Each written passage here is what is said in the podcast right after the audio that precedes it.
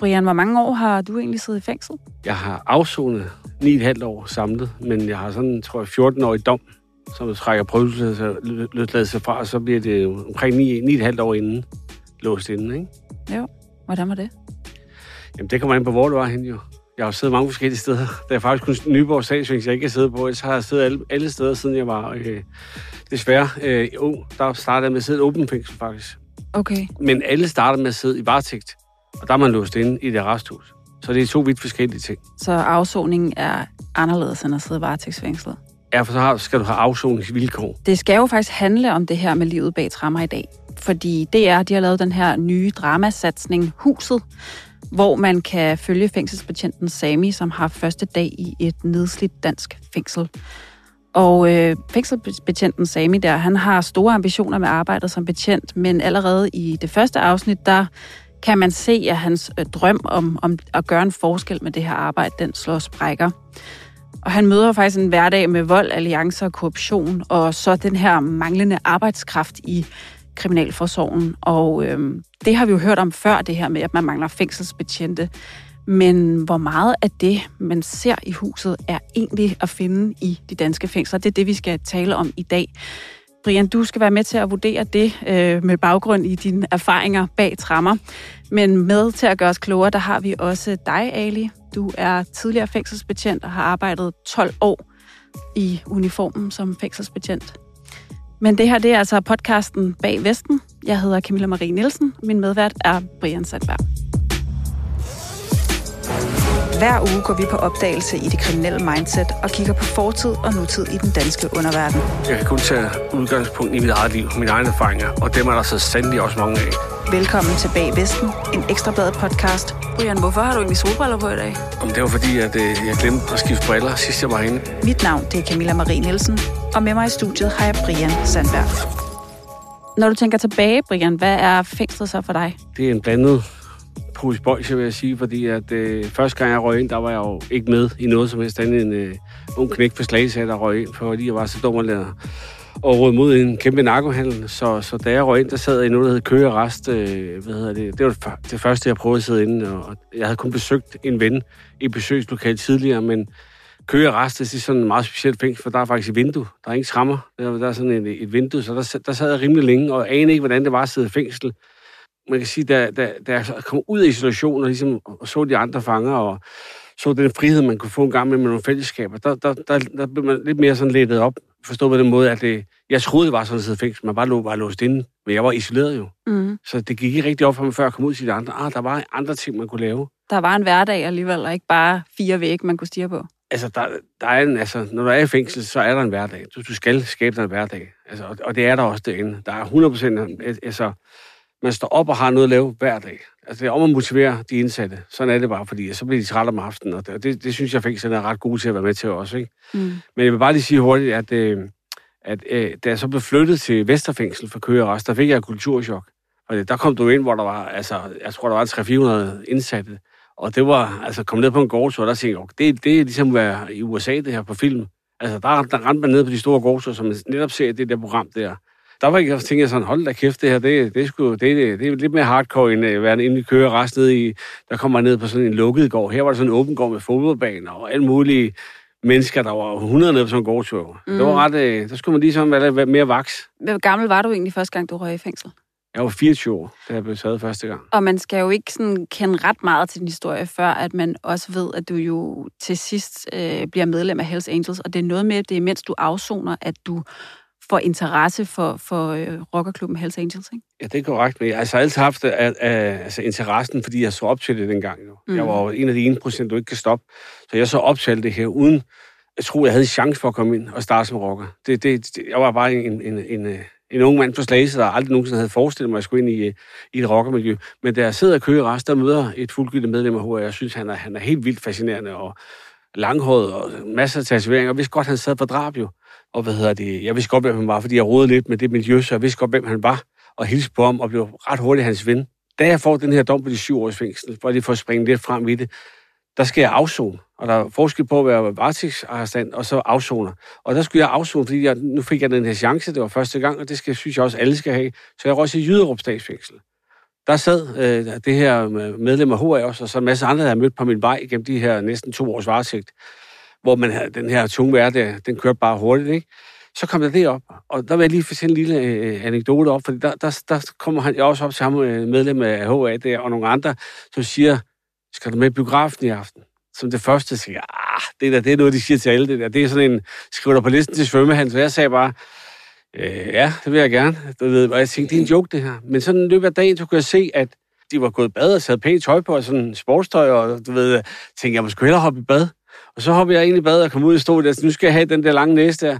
Men hvor der stod en fængsbetjent, og så stod de her otte fanger, de mest hardcore, jeg, jeg kender fra daværende tidspunkt. Og så sad vi i en bus på vej ind til Imperial i København på øh, det, der hedder sådan en uh, kulturel udgang, og gik i biografen. Og derinde, der fik jeg bare sige sådan, der købte vi vodka, og vi, vi, vi popcorn, og en af dem, han stak af fra biografen, fordi han, hende betjenten, hun var ligeglad. Han havde lige en kæreste, han skulle være sammen med, der boede tæt på biografen. Og det, da jeg kørte tilbage for Imperial til Jyderup, der troede jeg simpelthen, det var løgn. Det er altså ikke nogen straf, det der. Og det, det tror jeg, at uh, vores uh, gæst her, han kan genkende det til. Og det er sådan noget, der foregår i de åbne fængsler. Og det her, det er jo så helt tilbage i 90'erne, du har, har afsonet den her straf for, for narko, så har du så også siddet i nyere tid. Men, men lad mig lige øh, tage fat i dig, Ali. Du har været fængselsbetjent i 12 år, som jeg sagde her i introduktionen øh, af dig. Og øh, hvor har du egentlig arbejdet som fængselsbetjent? Nu hører vi her om, om åbne fængsler, men, men hvad har du ellers af erfaring? Jeg startede bag 2008 som pædagog i øh, Ringe Fængsel og der gik et halvt år, hvor jeg var pædagog der, og gik og lurede lidt, hvad fængselsbetjenten gjorde, og så søgte jeg over øh, og blev fængselsbetjent. Og de første tre år, der er du under uddannelse, så du skal på forskellige afdelinger og gøre tjeneste, og, og det var jo fint nok. Og så når du bliver fastansat, så får du lov til at bestemme en afdeling. Og det øjeblik, jeg skulle blive fastansat, der var jeg meget, der havde jeg deltaget i rigtig mange konflikter og så snakkede jeg med personal- og sikkerhedschefen, og han mente, at jeg skulle komme ind på kvindeafdeling. Det, det var ikke lige noget for mig, tænkte jeg, men jeg prøvede det, og så blev jeg så glad ved det, at jeg blev der i seks år mere. Men jeg ved jo også, at du på et tidspunkt bliver flyttet, altså at man, man ser en mulighed øh, i, i dig, øh, og man flytter dig til et lidt hårdere fængsel. Jeg ved ikke, om man ser en mulighed i mig. Jeg tror, man var rigtig godt træt af mig øh, fra ledelsens side. Øh, men der kom muligheden, at øh, desværre øh, kan man sige, at en af kollegerne fra Nyborg Fængsel bliver skudt foran porten, og i forvejen var Nyborg Fængsel meget øh, plaget af personalmangel. Og for lige at opsummere, det er tilbage i 2016, 16, mener jeg, at, 16. ja, at en fængselsbetjent bliver passet op foran Nyborg Statsfængsel. Han skal til at møde ind, og øh, så kommer der en øh, hætteklædt person og skyder ham to steder. Han bliver ramt i låret og i ballen, mener jeg. Nej, det var benet, benet og, ja. og, og, og så længere op. Ja. Øh, en ret voldsom episode, som kom i forlængelse af, at man havde strammet grebet i Nyborg Statsfængsel. Og der beslutter man sig så for at opruste, og du er en af dem, som bliver sendt til Nyborg Statsfængsel. Ja, jeg, jeg husker tydeligt den dag, øh, jeg ligger faktisk på sofaen, og, og det kører bare i medierne hele tiden, og man, man ligger der og tænker, hvad, hvad kan det være? Altså, hvem kan det være? Er det en, man kender? Er det ikke en, man kender? Og jeg gør mig klar, går i bad og gør mig klar til at køre på arbejde til Ringefængsel, og, og der, når man træder ind i fængslet, så er der bare en dårlig stemning. Altså, alt er alvorligt og seriøst, og, og så har vi det her famøse eftermiddagsmøde, og der starter det, som det er. Overvagtmesteren øh, skal informere hvad der skete i løbet af dagen øh, på fængslet, og hvem vi skal være særlig opmærksom på osv., og, og så tager fængselsinspektøren. På det tidspunkt, der har man lige fået skiftet inspektør fra en ældre dame, der hedder Bodil Philip, som var meget pædagogisk, til Lars Winter, som er mere hårdfører i det. Han tager ordet og siger, at vi selvfølgelig alle sammen har hørt den her sørgelige historie med en fængselsbetjent, der er blevet skudt, og vi skal forberede os på, at alle disponible på fængslet, dem der har disponible vagter, de skal gøre tjeneste i Nyborg Fængsel. Mange af kollegerne startede jo med at tage deres kalender op for at kigge, hvor mange disponible, og der var rigtig mange, der blev glade for, at de ikke havde disponible vagter. Øh, der må jeg ærligt indrømme, der fik jeg, der, der havde jeg det sådan, det kan man ikke være bekendt. Du følte en pligt til at melde dig? Ja, det synes jeg, vi har en pligt til at hjælpe de andre fængsler, når de står i sådan nogle akutte situationer. Øh, så jeg lige snart mødet var slut, gik jeg op til overvagtmesteren og sagde, at øh, ja, hvis der er nogen, der ikke gider til Nyborg, så kan du sende mig afsted. Så bytter vi bare vagterne, hvor jeg sendes afsted. Og lige præcis den der følelse af forpligtelse, eller at man øh, går ind i det her arbejde, arbejde hele hjertet, det ved jeg, jeg har talt med dig tidligere, det var noget, du virkelig gjorde. Men kan du ikke prøve at fortælle, hvorfor blev du egentlig fængselsbetjent? Der er rigtig mange, øh, der bruger ordet for at gøre en forskel. Jeg har aldrig troet på det, at gøre en forskel. Det eneste forskel, vi gør, det er, at vi øh, politiet fjerner dem fra gaden, øh, og vi passer dem ind i fængslerne. Øh, min forskel, det er at øh, hjælpe her fra Danmark, at de ikke skal gå i frygt, kan man sige, at vi har den buret inde. Øh, så jeg har aldrig troet på, at man kan ændre et menneske. Til trods for, at jeg har en pædagogisk uddannelse, jeg tror på, at hvis man vil ændre, så skal det være allerede tidlige stadie. Kunne man have ændret dig, Brian, egentlig, da man satte dig i fængsel dengang, første gang, da du var 24? Nej, jeg var uden for pædagogisk rækkevidde, vil jeg sige, fordi at, øh, jeg var meget fascineret af det miljø.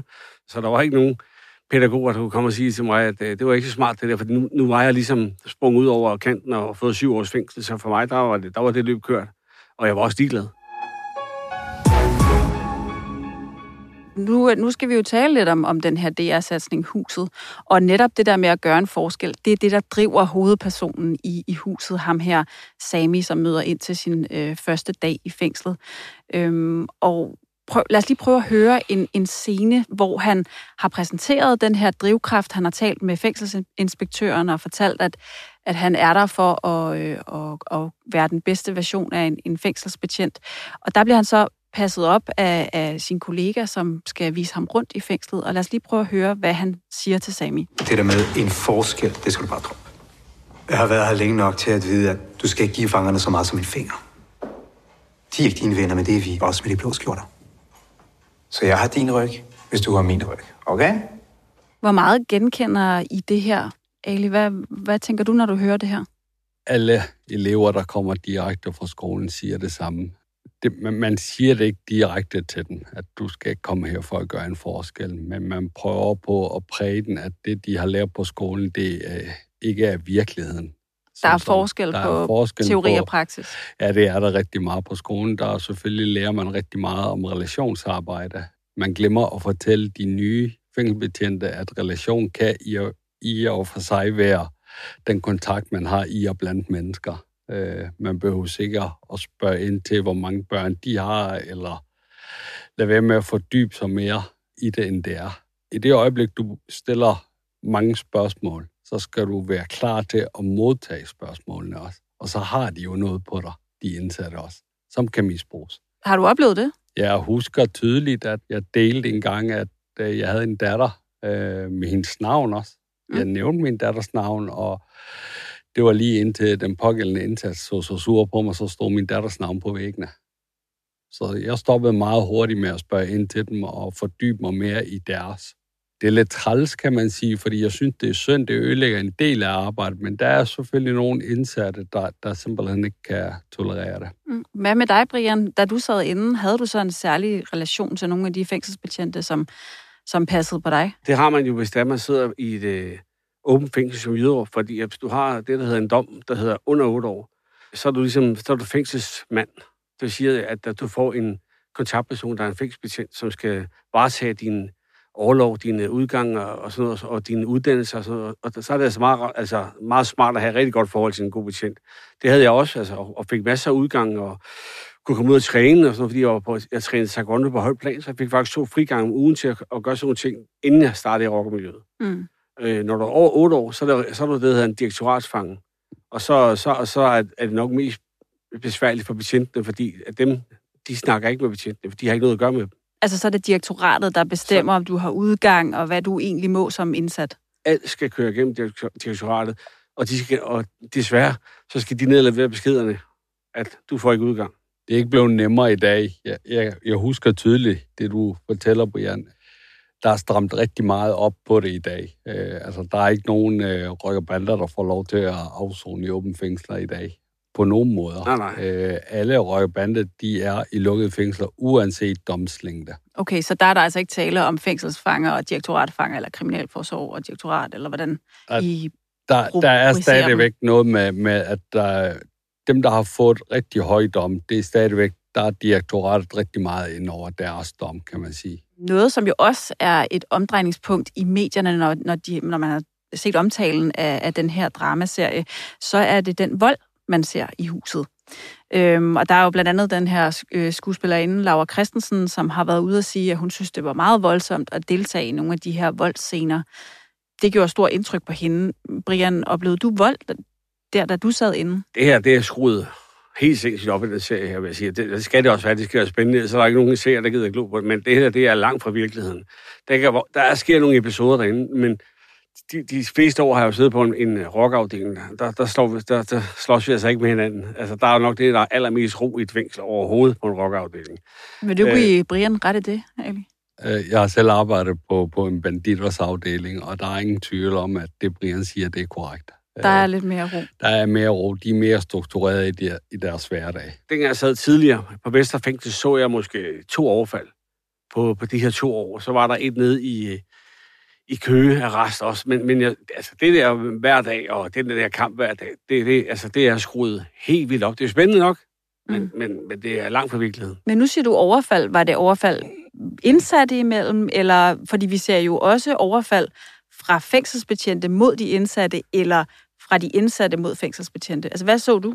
Jeg har set begge dele, men, men man hører mest om det der med, med, med, fængselsbetjente, fordi så larmer det, når man måske låst ind om natten, en eller anden, der går amok om natten, der er sket et eller andet, øh, og så skal, de, så skal de lægge ham i, i, ned i sikringscellen, ikke? og så, så larmer det jo helt vildt. Man kan jo ikke komme ud og se det.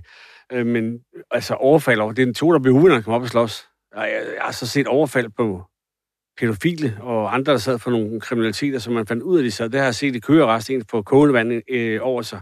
Så det har jeg set. Prøv lige at øh, fortælle om den. Hvad skete der? Det var køgerest, hvor jeg sad. Der, der går man så ud om, uh, om aftenen, og så skal man, kan man, uh, har man sådan en termokan, man kan fylde op med varmt vand. Man kan tage med ind til sin nattekaffe eller te. Og der står man i kø ud. Og der, der var en, der, der sad for, for voldtægt, øh, som stod i den. Han var lige kommet, og de fandt ud af det jeg var meget ung der, så jeg vidste, der var, der var slet ikke inde i alt det der. Så jeg så bare, at han fik den der, øh, det der kogende vand øh, lige i hovedet og skreg helt vildt, og så kom betjentene. De står også lige i nærheden jo, øh, når folk skal lukkes ind. Men der blev vi hurtigt, vi skulle bare, ligesom, det er ligesom i serien, ind på cellerne, og det gør man jo, for det så går det ud over dig. Hvis du ikke vil ind på cellen, så, så går du for, altså, det gør man, man lister bare ind med det samme, fordi så har jeg ikke noget med det her at gøre. Mm. Fordi det vil man helst ikke knaldes for, eller hvad det hedder, ikke? Men, men det sker, og også oppe i Aarhus har jeg set det på en gårdtur med en, der også lige pludselig vil lukke ind, øh, tilfældigvis af nogle betjente, som også sad for øh, voldtægt. Det er en sand historie. Det er, de fik en kæmpe røgfuld. Der er nogle ting, man ser med ja. hårdere øjne på blandt de indsatte end ja. andre. Altså, der og, er noget det, kriminalitet, der ikke er i... Fuldstændig, altså det er helt korrekt, men det der med indbyrdes, som man ser, det ser der hele tiden, det er faktisk en evig kamp om uh, hash og, og kommuner og sådan noget, det, det, det foregår ikke mere jo. Altså. Du har været fængselsbetjent i 12 år, og du talte selv tidligere om det her med, med magtanvendelser, og, men, men har du oplevet, øh, altså du må have set nogle ting, tænker jeg, som fængselsbetjent? Ja, det må man sige. Jeg har øh, desværre er, er, er det blevet mere råt miljø rock- og bandemiljøet er blevet meget mere rå. Mm. Øh, størstedelen af de indsatte har på en eller anden mærkelig måde en forbindelse til bander. Øh, og ja, jeg, jeg har oplevet rigtig meget. Jeg har oplevet at blive troet på livet, øh, og jeg har oplevet at blive forfulgt på vej på arbejde osv. Øh, og jeg, jeg har haft, det er ikke nogen hemmelighed, jeg har haft øh, overfaldsalarmer beskyttelse fra politiet. Øh, der var nogen, der var decideret efter mig. Jeg ved, det er episoder, der, der virkelig har, har berørt dig, og som du også stadig bærer rundt på i dag, så du, du kan fortælle det, du i det omfang, du har lyst til at fortælle om, men, men altså, hvad er det, du har oplevet? Mm. Efter skudepisoden, så skete der bare et eller andet mærkeligt rå øh, miljø i fængslerne, og jeg husker tydeligt, jeg havde en øh, bandemedlem fra Satudara, og, og, og han havde slået ud efter en øh, kvindelig kollega, og jeg var alene på arbejde med fire andre kvinder i arresthuset, og jeg husker tydeligt, at vi skulle have ham fjernet øh, fra sin celle. Han skal sidde et andet sted. Han kan ikke sidde på samme afdeling. Og vi går hen på hans celle, vi samler nogle stykker, øh, og vi går hen på hans celle for at bede ham om at vende sig rundt, og så op mod væggen, fordi så er det der, vi går ind og giver ham håndjern på. Og det var så mig, der skulle give de håndjern på, og det øjeblik, jeg klikker det en hånd i håndjern, så spænder han til, så jeg ikke kan gøre det med den anden. Og jeg kan simpelthen ikke øh, få hans arm fast øh, tættere på hinanden. Og det ender ud i, at vi vælter ned på sengen og kommer op og boks med ham, og det er først, da min kollega, jeg har ham lidt i hals, rundt om halsen, det er først, da min kollega peger med peberspray i hovedet på ham og siger, du stopper nu, eller så får du peber. Vel vidne om, at det også vil give mig peber, men hellere det, end at, at slå så hårdt på ham. Han var altså oppe på øverste etage, og vi skal have ham ned i bunden. Øh, og det øjeblik, vi begynder at slås med ham, så er han så aggressiv, at vi skal have ham. I stedet for en anden afdeling, så skal han lige forbi sikringscellen først. Der sætter man dem ind, når, Der, hvis, hvis, hvis de er for voldsomme. Er, ja. Når de er så voldsomme, vi ikke kan styre dem, så skal de spændes fast i sikringscellen. Det ser man jo også i huset, at, at de benytter sig af. Ja, det gør man. Øh, og da vi kommer ned fra øverste etage ind til midterste etage, øh, så spænder han så meget op i kroppen, at øh, min kollega og jeg ikke hverken kan sætte det indgreb eller noget som helst. Han er for stærk. Der kigger han fuldstændig på mig iskold og siger, bare vent dig, Ali. Du er den næste, der bliver skudt. Og det var jo lige efter attentatet mod din kollega, øh, altså noget tid Det efter. var et par år efter. Det var Mm. i 2018, det her. Øh, men fra 2016 til 18, der modtog jeg en masse med trusler. Øh, men, men de begyndte at bruge det her ord, bare venter, du er den næste, der bliver skudt. Det begyndte de at bruge hyppigere, kan man sige. Hvor, Øh, hvor- tit skete det, at I måtte hive nogen ned på en sikringscelle, eller på den måde bruge magtanvendelser? der fra 16 til 18, der var det jo der, det eskalerede øh, bandekrigen København, kan man sige, hvor der bliver skudt mod hinanden på kryds og tværs, og, og der var Nyborg fængsel arrestafdelingen, der var jo propfyldt med LTF'er. Øh, så det skete en del på et tidspunkt til at starte med, der havde vi rigtig, rigtig mange slagsmål med dem. Øh, senere hen øh, blev det lige pludselig LTF'erne mod Brothers, og der får vi et opkald, hvor vi skal rydde den ene arrestafdeling. Der får man sendt banditers videre hen til Østjylland, fordi der var en banditersafdeling, så de skulle derover over afzone.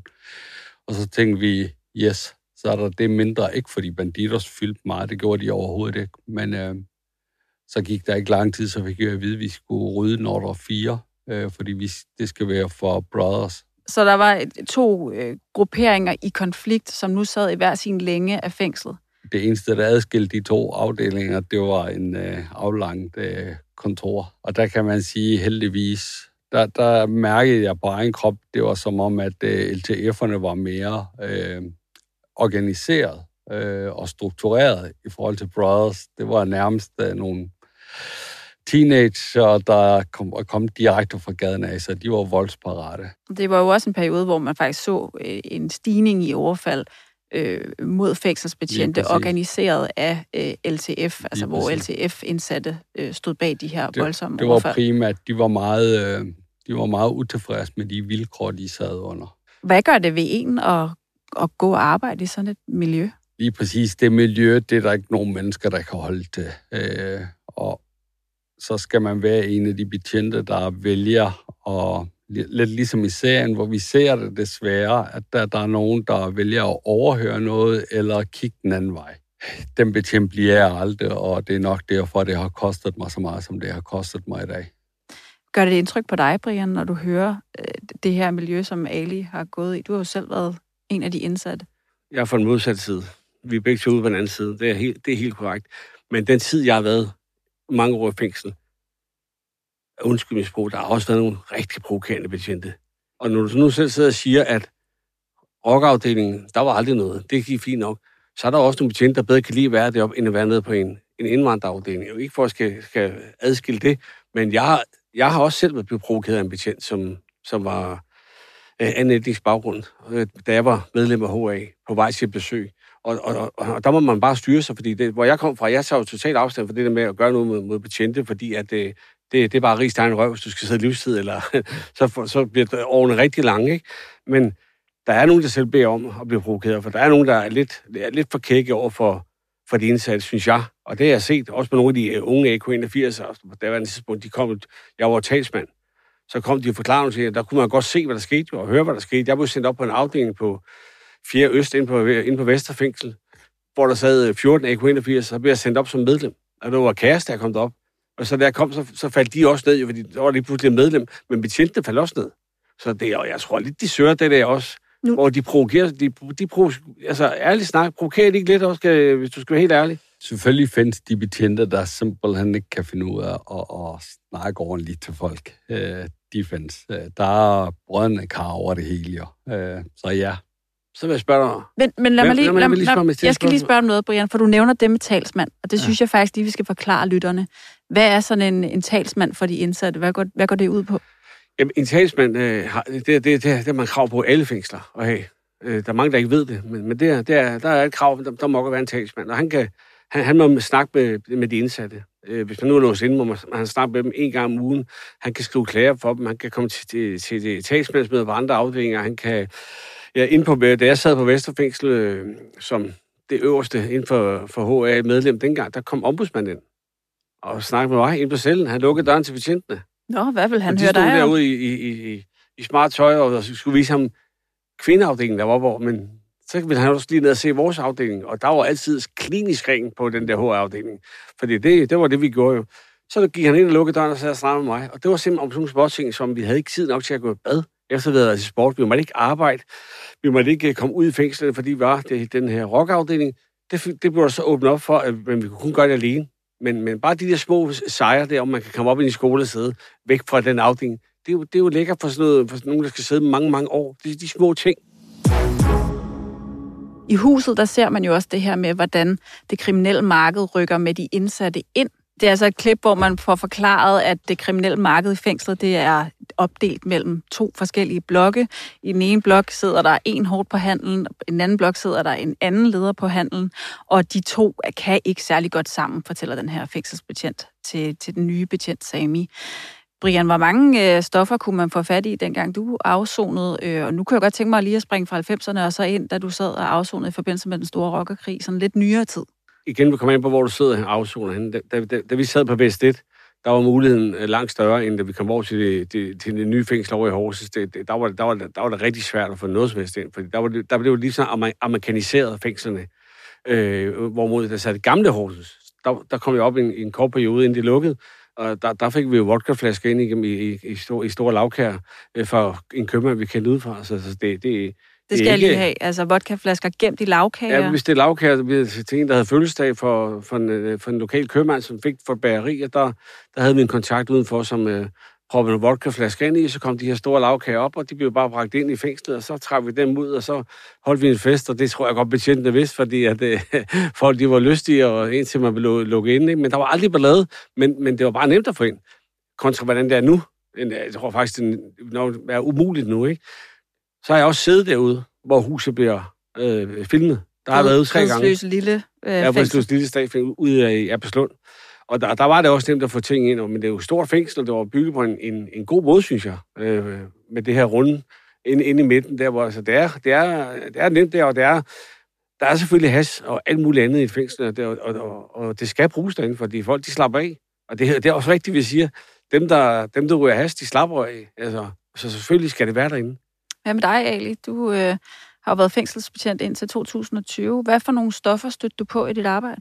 Det var primært hash, men man kunne sagtens støde ind på kokain og amfetamin. Øh, specielt omkring nytår, der fandt vi i hvert fald en del kokain. øh, men, men det var primært hash, og, og igen, som Brian siger, i dag, der er det jo næsten umuligt at få ind. Det kommer desværre stadigvæk ind igennem besøgende. Øh, men det er stadigvæk igennem begrænset, og det kommer an på, hvor du sidder henne og så videre. I dag har man fået øh, narkohund til at snuse til personen simpelthen. Og, ja, og har man mistanke omkring, at der er en indsat, der kommer tilbage øh, fra besøg, øh, og mistanken den er stor, så plejer man at sætte den på pottevagt simpelthen.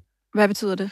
Pottevagt, det betyder, at de skal blive, øh, de, de skal afklæde sig fuldstændig, hvor de får en gennemsigtig dragt, og så får de den her rullevogn med en potte på. Øh, og der bliver de observeret, indtil de kommer af med afføring øh, to gange, simpelthen. Og det er, fordi man øh, Har mis- tænker, at stærk mistanke om, at de har noget med ind. Øh, den skal virkelig være stærk, den mistanke, og det er den ved, at man har aflyttet telefoner osv. en scene, som jeg lidt har glædet mig til at, at afspille, især for dig, Brian, det er en scene, hvor man øh, ser den her meget, meget pæne ældre mand ankomme til fængslet. Han øh, er, fornemmer man en, øh, en type, der måske ikke lige passer ind i det her hårde miljø i, i huset. Øhm, og lad os lige høre, hvad det er, han siger, da han endelig kommer inden for murene. Jeg kan ikke være sådan et sted som det her. Det er dog nok ikke så meget at gøre ved lige nu. Jeg sad varesigt og hørte nogle historier.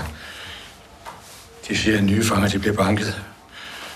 Mishandlen er jo ydmyget, er det rigtigt? Ja, det er altså en scene, hvor han øh, skal til at afzone sin straf, og man ser ham klæde sig af, og der står den her fængselsbetjent, og imens så udtrykker han jo sin stærke bekymring for, for det her fængsel. Og så er det, betjenten fortæller ham, jamen, øh, hvis du er bange for at få tæv, så skal du finde den stærkeste fange. Øh, de skal nok finde dig, hvis du er i tvivl om, hvem det er. Og så kan du faktisk købe dig til beskyttelse. Og Brian, du var jo bodyguard for Steinbacher, den svindeldømte Steinbacher. Han røg jo også ind på et tidspunkt. Var, var det sådan, at du var lidt med til der at sikre, at Steinbacher han havde en, øh, en god afsoning? Steinbacher er den lille fedtede svindler. Ja, lad os lige tage ham. Nej, hvad hedder det? Det var for sent jo, fordi at, øh, at der, var, der var jo en bandekrig kørende, så han, var et, han blev et offer, fordi han kendte mig. Så han fik jo han fik noget at få en røvfuld ind på Vesterfængsel i en, en fandens fart jo af nogle indvandrere, øh, der blev dømt for det også. Ikke? Fordi der, der, der troede man ligesom, man ramte mig ved at, at tæve ham. Men hvis du så tager andre øh, økonomiske kriminelle, som Kurt Thorsen og Riskær og dem, der har siddet inde, så inden de kommer ind faktisk, så er det jo en kæmpe sag i medierne. Så derfor er det korrekt, de siger, de skal nok finde dig, for det man ved godt, der er ham der, der svindler for 300 millioner, så er der helt sikkert nogle af de helt øverste, der, der skynder sig at tage fat i dem og siger, at han er en af vores, og så får man nogle, altså, så bliver der betalt penge for, at han kan være i fred. Og, og, og de, er jo, de er jo ikke nogen dårlige øh, indsatte her. Først er de intelligente og kan skrive. Det kommer også, øh, at man kan se, at øh, han bliver talsmand. Så de kan skrive nogle, nogle ord til direktoratet, som de skal, og de, de skal jo svare. Direktoratet skal svare. Så de, hvis man har en dygtig talsmand, og bombarderer dem med øh, rigtig øh, skarpe ting, så skal de svare dem. Men du slipper lidt nemt ud af mit spørgsmål, fordi ja. lad mig lige spørge igen. Altså, det er rigtigt nok, der raser en bandekrig, da Steinbacher han bliver, bliver taget for den her svindel, og du øh, er jo i øvrigt også, øh, du bliver skudt efter flere gange i den her periode. Men I har jo stadig kontakt. Jeg har læst din, din nyeste bog, der fremgår det jo også, at I har kontakt i den her periode. Ja. Og Stein rækker ud til dig i flere breve og spørger, hvor kan jeg bedst afzone? Var der på intet tidspunkt Øh, altså, nogle penge imellem jer, noget, der gjorde, at, at du på en eller anden måde kunne sørge for, at han havde det godt i fængslet? Nej, det var rigeligt, jeg var øh, medlem af HA på daværende tidspunkt til det, hvor han sad, så var der ikke nogen, der ville gøre noget ved ham jo. Øh, så jeg havde den kontakt, jeg havde jo tjent penge, jeg havde fået penge af ham, så, så, så det var rigeligt, at jeg var medlem. Det, blev, det blev selvfølgelig dårligere, da jeg, da jeg ligesom meldte mig ud af HA, og så kom ind i en anden klub, så var det, øh, så blev det lidt besværligt for os for ham, men, men hans, hele hans afsoning har, tror jeg aldrig, han har været, kun været truet en gang, da han fik den der røv fuld, så har han været truet en gang op i Horsrød, hvor det også blev stoppet, og det var noget, jeg stoppede, øh, via nogen, jeg kendte. Så, så øh, han, han, har, han har på grund af mit navn været fred, kan man sige, men jeg har ikke fået nogen penge for det, eller det er der ikke nogen, der har det inden. Det, han har jo altid sagt, at han ingen penge har tilbage. Jo. Så det kan i hvert fald betale sig at have forbindelser, når man ryger i fængsel, skal jeg, kan jeg næsten forstå på det, du siger. Ali, er det noget, du kan genkende? Tilbage til det her med, øh, hvordan stofferne kommer ind og så videre. Når de er kommet ind, så de, dem, der har meget at have sagt, de får de svage indsatte til at holde det for dem, øh, hvis det er store mængder. Øh, så ja, det kender jeg godt. Øh. Så man som svag indsat på en eller anden måde kan betale sig til beskytte, beskyttelse, fordi at man så arbejder for de stærkere fanger. Lige præcis. Er det det, du, præcis. du Jeg har også oplevet det tilbage til Ringefængsel, hvor, hvor nogle af de svage indsatte simpelthen handler ved købmand øh, og, og giver det videre til de stærke indsatte. Øh, det ser man jo faktisk også i, i huset. Ja, der er en indsat, hvor at han spiser havregryn hver eneste dag, men han bruger hele sit budget den, hver gang han får det udleveret ja. den første i måneden, eller ja. hvornår man får penge. Så det er altså også noget, man kender fra virkeligheden. Det, det sker i virkeligheden. Jeg har set det i resten i Nyborg også. Det sker i virkeligheden. Vil vidne om, at i resthusene, der bestiller de bare madvarer på sæden og afleverer det til købmanden, og så kommer købmanden med mælkekasser med deres varer. Øh, der oplever vi tit øh, om eftermiddagen, når de har fællesskabet, så den svage øh, varetægtsarrestant kommer ud, fordi nu skal de til at have fællesskab, og så går han direkte hen til døren til en af de stærke fanger øh, med mælkekassen øh, og afleverer det. vi kan ikke bevise, at det, det er betaling, vi kan ikke bevise noget som helst, fordi de kan til enhver tid sige, at de laver mad sammen inde på cellen, eller de er madgruppe sammen, hvis de afsoner på en almindelig afdeling. Eller, eller han er på slankekur. For eksempel. ja, og man kan jo sige, at øh, i en tid, hvor vi jo også får præsenteret nye bandepakker, der er, er strafskærpelser, jamen, så er det her med livet bag trammer, det bliver i hvert fald øh, noget, som vi kan diskutere øh, til eftertiden. Det er i hvert fald noget, der der altid er, er meget aktuelt. Jeg skal sige tak, fordi at I gjorde os lidt klogere på, på fængselslivet, og, og hvis man vil høre mere om livet bag trammer, så har du faktisk en bog på vej, Ali. Øh, det er en bog, der kommer på øh, forlaget Peoples, og du har skrevet den i samarbejde med journalisten Frej Bramming. Den hedder Lås og Slå, bande, bandefængslet indenfra, og handler om hvad kan man sige, dine 12 år som fængselsbetjent, men også særligt tiden her på Nyborg Statsfængsel, som jo har været og, og måske skal være igen altså et, et, et bandefængsel, hvor der har siddet nogle af de, af de stærkeste og måske mest besværlige fanger, øh, som vi har i, i Danmark. Den udkommer til januar, og den kan man jo så købe og læse, hvis man har lyst til det. Tak fordi I gjorde os klogere, og tak til Rasmus ude i regien.